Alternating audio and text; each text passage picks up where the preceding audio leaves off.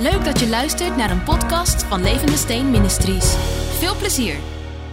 Het koninkrijk, de Heilige Geest en de gelovigen. Ja, en degene die aantekeningen maakt, het gaat je helpen. Je krijgt informatie wat je gaat helpen om ja, door te breken, man. Het koninkrijk en dan wel het koninkrijk van God, de Heilige Geest en de gelovigen. Deze drie dingen horen bij elkaar. Ik wil de Heilige Geest geen ding noemen, want de Heilige Geest is God en een persoon, maar spreektechnisch horen deze drie bij elkaar. Het Koninkrijk van God, Heilige Geest en de gelovigen. Dit is een drievoudig snoer, wat niet gebroken kan worden als je het goed leert matchen. Nu, om het koninkrijk een beetje dichter bij je te brengen, wil ik wat dingen noemen. Want het koninkrijk van God moet je begrijpen. Als je het koninkrijk van God niet begrijpt, wordt het heel lastig om in het koninkrijk te leven. Als je aan het koninkrijk van Nederland denkt, waar denk je dan aan? Nou, ik denk dat doorgaans, als je denkt aan het koninkrijk van Nederland, denk je aan het koningshuis. Dat is het eerste wat in je opkomt. Het is een koninkrijk. Er is een koningshuis, er is een koning, een koningin. En in Nederland hebben we natuurlijk de Eerste Kamer en de Tweede Kamer, die zo hun plek hebben in het hele, in het hele verhaal. Maar toch, je denkt aan het koninkrijk van Nederland, dan denk je aan een koninkrijk, ja. De koning, het koningshuis, de koningin, je denkt aan de constitutie. De grondwet. Dat zijn dingen die vastzitten aan een koninkrijk. En als je over een koninkrijk praat, wij Nederlanders, daar denken wij aan. We hebben een koning, we hebben een koningin, er is een constitutie, er is een grondwet, er is een Eerste Kamer, een Tweede Kamer. En je denkt aan de cultuur van de mensen. Ja, dat is wat een koninkrijk toch uitstraalt, de cultuur. Dat ben je met elkaar. Elk land heeft zo hun cultuur. En, en ook een koninkrijk heeft zijn cultuur. België is ook een koninkrijk, ze hebben hun cultuur.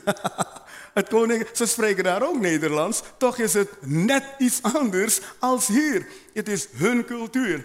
En ze hebben hun grondwet. Dus het is, je denkt aan de, het koningshuis, een koning, een koningin. Je denkt aan de constitutie, de grondwet. En wij denken aan de Eerste Kamer, de Tweede Kamer en de cultuur van de mensen.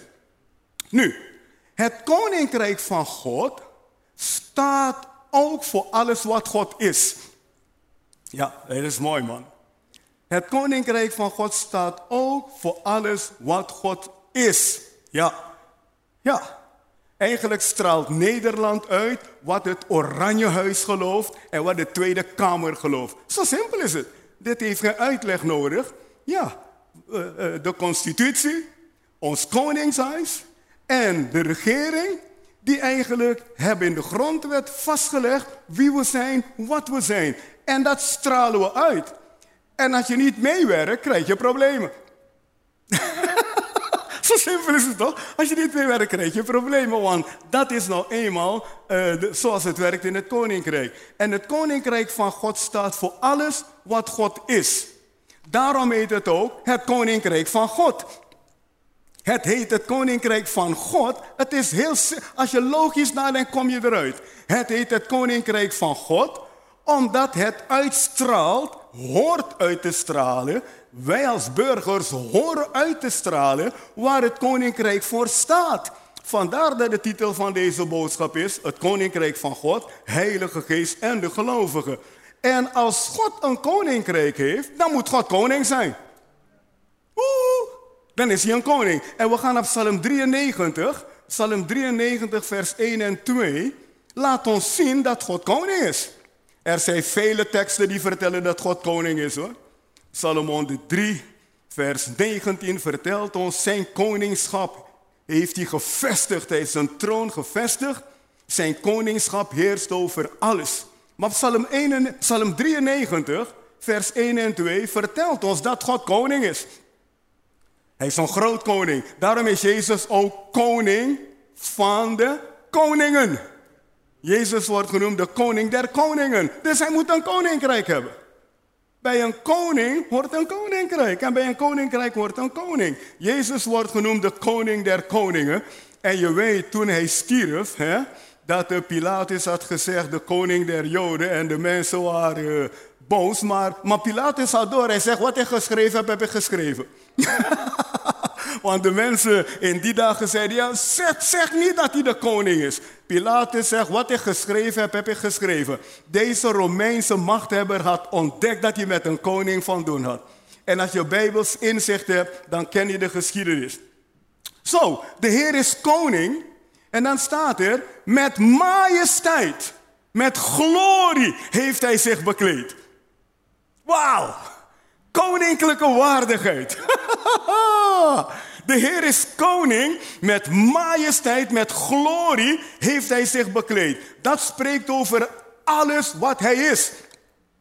Dat is zijn power, is wat hij bezit, is wat hij kan doen, is wat hij heeft. Ja, het is God in zijn totaliteit. Met majesteit heeft hij zich bekleed.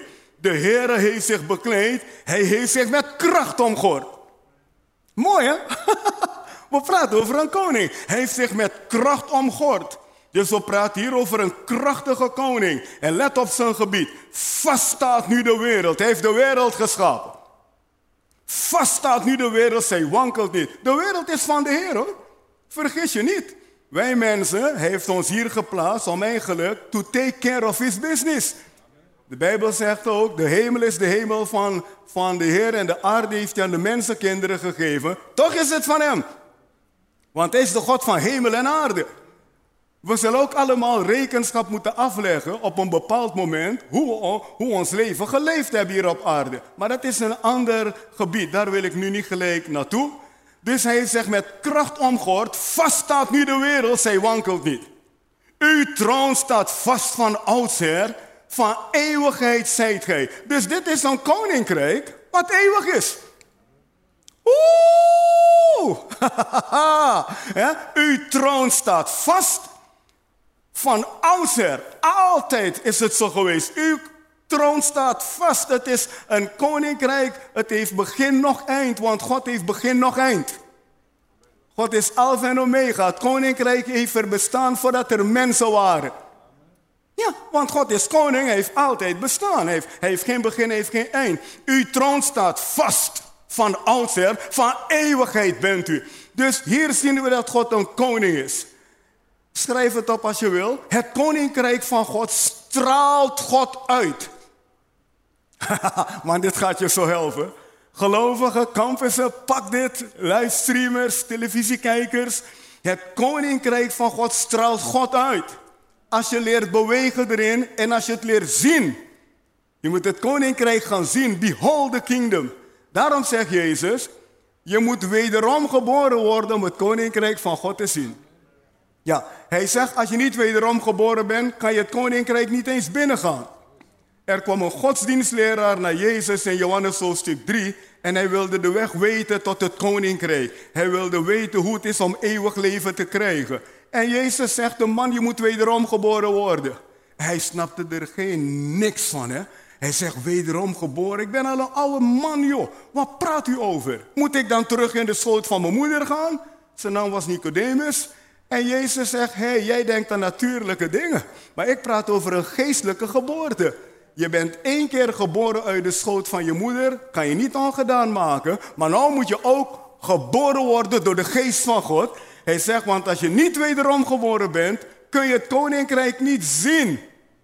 Laat staan binnengaan. En hoe word je wederom geboren? Door de Heer Jezus te vragen, in je hart te komen en je tot een nu mens te maken. Dan word je wederom geboren. Ik ben voor jaren religieus geweest, voor jaren naar de kerk gegaan, maar ik wist echt niet wat wedergeboorte was. Ik wist het niet. Ik las het wel eens, als ik eens een keer mijn Bijbeltje las, had ik het geluk dat ik daar langs kwam.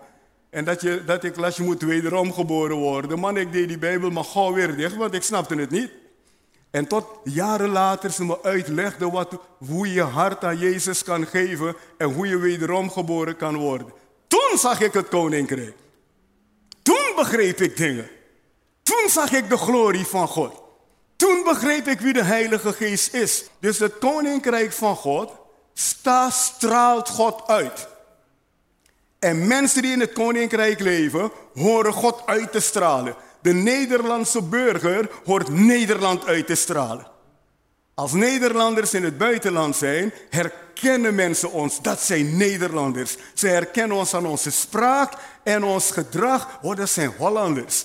En dat geldt voor Italianen, dat geldt voor Chinezen. Hè? Dus, dus wij horen eigenlijk het koninkrijk uit te stralen. Dit gaat je helpen hier hoor. Nou schrijf het op als je wil. Het is een onafhankelijk koninkrijk. Een Engelse Bijbel zegt, is een commonwealth. Met andere woorden, het is een koninkrijk op zichzelf. Onafhankelijk van alle andere systemen. ja, de Engelse Bijbel zegt, is een commonwealth. In Filippenzen 3, vers 20 zegt, we zijn burgers van een rijk in de hemelen. En het woord dat is commonwealth. Het is een onafhankelijk koninkrijk. Gods koninkrijk is niet afhankelijk van het koninkrijk van Nederland of van België of welk land ook. Het is een geestelijk koninkrijk wat staat op zichzelf, wat onafhankelijk is, want God is onafhankelijk. Begrijp je dit? God is onafhankelijk. God is van niemand afhankelijk. Zie je? Als mensen sterven, gaat het leven door. Als God zou sterven, sterft alles. Als jij en ik sterven, gaat alles door. Geliefden missen je en geliefden dragen je in hun hart mee. Maar eigenlijk gaat alles gewoon door. Want het leven is niet afhankelijk van jou en van mij. Het en toch moeten we ons deel doen. En moet je verantwoordelijkheid op je nemen. Maar als God zou sterven, sterft alles. Dat is wat de Bijbel, ons zegt. En dan God, God sterft niet. Hij is van eeuwigheid tot eeuwigheid. Zijn koninkrijk is van oudsher. Halleluja. Oké, nu, het is een onafhankelijk koninkrijk. Het is onafhankelijk van alle andere systemen. Schrijf ook op als je wil. Het is een bovennatuurlijk koninkrijk. Dit moet je niet verwaarlozen nou hoor. Het is een bovennatuurlijk koninkrijk. Waarom? God is een bovennatuurlijke God. Is niet zo moeilijk, maar je moet het zien. En als je het begrijpt en je kent de plek van de Heilige Geest, en je neemt je plek in als gelovige en je leert geloven, dat is power. Ja, dus het is een bovennatuurlijk koninkrijk, want God is bovennatuurlijk. Schrijf het op als je wil, het volgende. Het functioneert alleen via de mindset van God, via zijn constitutie. Het koninkrijk van God functioneert alleen via de mindset van God. Dus als je bekeerd hebt, en je bent in het koninkrijk van God gekomen, je bent een kind van God geworden, moet je zijn mindset gaan ontdekken. Je moet zijn gedachten gaan, gaan begrijpen. Je moet zijn constitutie gaan begrijpen om succesvol in het koninkrijk te kunnen zijn. Jij kunt niet met jouw gedachten in het koninkrijk komen. Omdat de grondwet al is vastgelegd. de constitutie heeft alles al, het zit allemaal al in de constitutie. Dus als jij in Gods koninkrijk komt en je probeert met jouw gedachten de dingen te doen, gaat het niet werken. Daarom zegt Jesaja 55, mijn gedachten zijn hoger dan jouw gedachten. En mijn wegen hoger dan jouw wegen. Dus onthoud dit goed, is een belangrijk principe. Als je in Nederland succesvol wil zijn, moet je volgens de constitutie van Nederland gaan. Je kan je eigen grondwet maken, maar je gaat problemen krijgen met met de overheid. Ja, ze zullen zeggen, ja nee, dat is niet wat Nederland voor staat. En als je in Gods koninkrijk succesvol wil zijn, moet je niet met jouw gedachten komen. Je moet jouw gedachten in lijn brengen met zijn constitutie. Je moet gaan ontdekken zijn mindset. Want dat maakt dat het koninkrijk krachtig is. En vergeet niet, het koninkrijk is sterker als alle andere systemen. Schrijf het op. Het koninkrijk van God is sterker als alle andere systemen. Als alle andere systemen. Want de Bijbel zegt, al het andere gaat voorbij, zijn koninkrijk blijft bestaan. Woe! al het andere gaat voorbij. Mensen sterven, uh, dingen gaan voorbij, maar het koninkrijk blijft. En als je je bekeerd hebt tot Jezus, heb je eeuwig leven gekregen natuurlijk, dus dan blijf jij ook. Daarom zegt de Bijbel ons in 1 Johannes 2, vers 15 tot 17, van de wereld en haar begeren gaat voorbij. Maar wie de wil van God doet, blijft tot in eeuwigheid bestaan. Je kan dat lezen in 1 Johannes 2, vers 15 tot 17. De wereld en haar begeren gaat voorbij. En wij weten dat alles voorbij gaat. Dat weten we toch? Alles gaat voorbij. Alles is tijdelijk. Het zijn momentopnames. Je hebt een bepaalde levensspan gekregen en dan ga je ook weg. En de, de vraag is, waar ga je naartoe? De Bijbel zegt, wie in de Zoon gelooft, heeft eeuwig leven. Oké, dus we weten dat het allemaal tijdelijk is, maar Gods koninkrijk blijft tot in eeuwigheid. Vandaar dat er ook staat in Matthäus 6, vers 13, want van u is het koninkrijk en de kracht en de glorie, met majesteit de glorie. Hoe lang? Voor eeuwig. Dat gaat dus niet voorbij. Jezus heeft gezegd, hemel en aarde zullen voorbij gaan, maar mijn woorden zullen geen zins voorbij gaan. Dus dat houdt in dat Gods koninkrijk sterker moet zijn als al het andere. Oeh, als al het andere voorbij gaat en dit koninkrijk blijft over, dan heeft dit koninkrijk eeuwigheidspower. Oeh, halleluja. Halleluja. Dus als jij en ik willen bewegen in het koninkrijk, bewegen wij ons in het krachtigste systeem in het universum. Dit was de podcast. Bedankt voor het luisteren. En als je op de hoogte wilt blijven, kun je ons vinden op Facebook en Instagram.